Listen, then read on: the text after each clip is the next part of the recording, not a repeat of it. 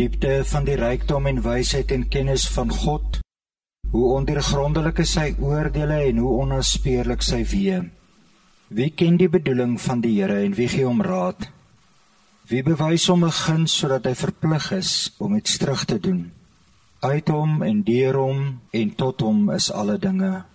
Aan hom behoort die heerlikheid tot in ewigheid. Amen. Dis hierdie God wat vir my en vir jou vanmôre groet.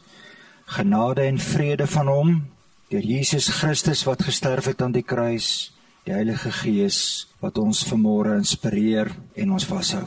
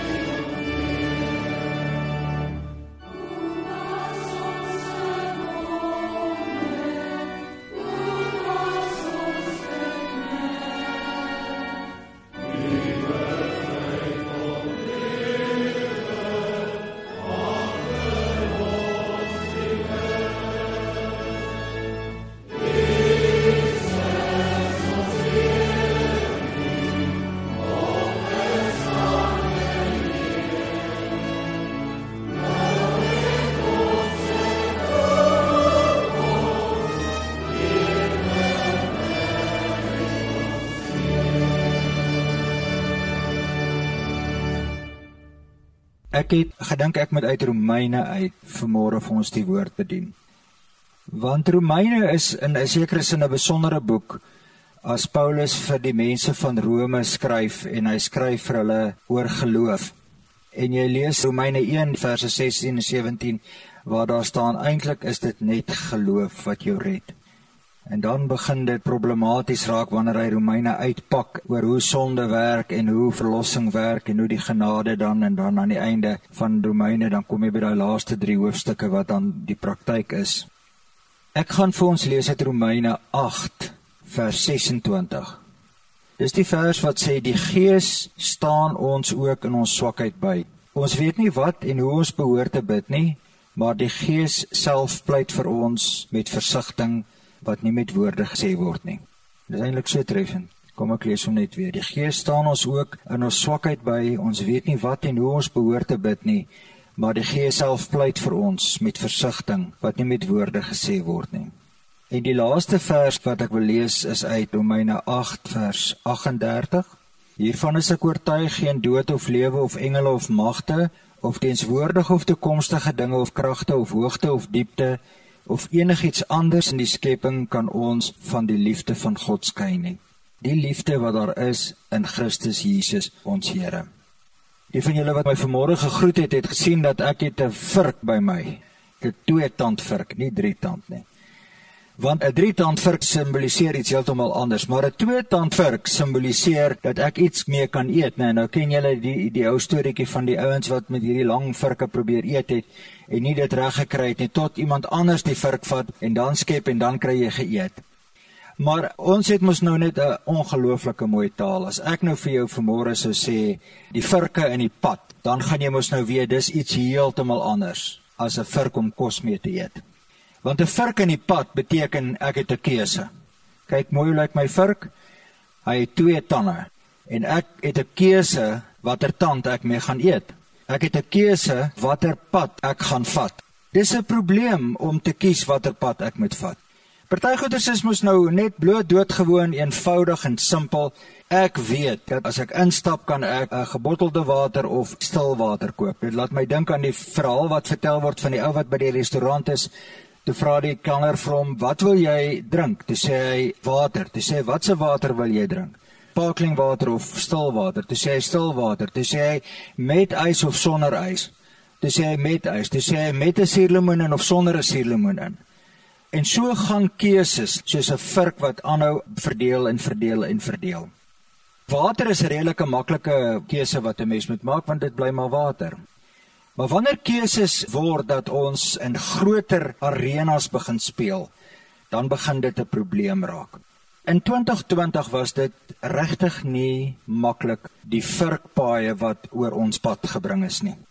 Die eerste vurk wat ons gehad het in Januarie en Februarie was om te sê ons landsekonomie is in die moeilikheid. En die vraag is wat gaan ek en jy daaraan doen? Net toe ons nou dit 'n bietjie opgetel het, toe tref COVID ons. Ja, eerste week toe die president wat altyd praat van immediate effect, toe hy nou sê immediate effect en hy praat van 3 weke. Toe dog ek, hoe gaan ek ooit hierdie 3 weke deurgesien kry? Dit gaan net onmoontlik wees. En ons is nou al amper 6 maande wat ons het. So COVID het vir ons 'n keuse gegee om te sê, hoe gaan ek reageer en hoe gaan ek nie reageer nie. En dink nou mooi, waar sit jy vanmôre met die keuse van COVID? Was jy nog jou hande so gereeld? Want dis 'n keuse. Gaan ek my hande was of gaan ek nie my hande was nie? Gaan ek my masker dra of gaan ek nie my masker dra nie? Dis 'n verkeuse wat ons moet maak. Net nadat ons die verkeuse gemaak het en ons die COVID keuse gemaak het en regtig in die COVID keuse is, toe tref plaasmoorde ons en plaasaanvalle tref ons. En ons het 'n keuse. Hoe gaan jy reageer? Gaan ek senekal toe ry of gaan ek nie senekal toe ry nie? As ek senekal toe ry, wat gaan ek daar maak? Gaan ek saam met die boere wat bid, gaan ek saam met hulle bid of gaan ek saam met die ouens wat nie bid nie, gaan ek saam met hulle in die straat vir die ander ouens aan die oorkant van die pad gaan ek vir hulle gluur of gaan ek nie vir hulle gluur nie. Net asof dit nie genoeg is nie, toe kom die tweede keuse waaroor ons hier nie regtig beheer het nie, toe kom die veldbrande. En ek het weer 'n keuse oor hoe gaan ek reageer oor die veldbrande? Gaan ek die videoklips wat ek kry, gaan ek dit aanstuur of gaan ek dit nie aanstuur nie? As ek dit aanstuur, wat wil ek daarmee bereik? Hoekom wil ek dit aanstuur? Is ek besig om maar so 'n bietjie sensasie te soek of is ek besig om empatie te probeer losmaak? Dit is die probleem waarmee ons in die land sit en in die wêreld mee sit. Ons weet, ons word nou al gewaarsku vir 'n tweede vlaag van infeksies wat gaan kom. Ons weet die ekonomie is in die moeilikheid.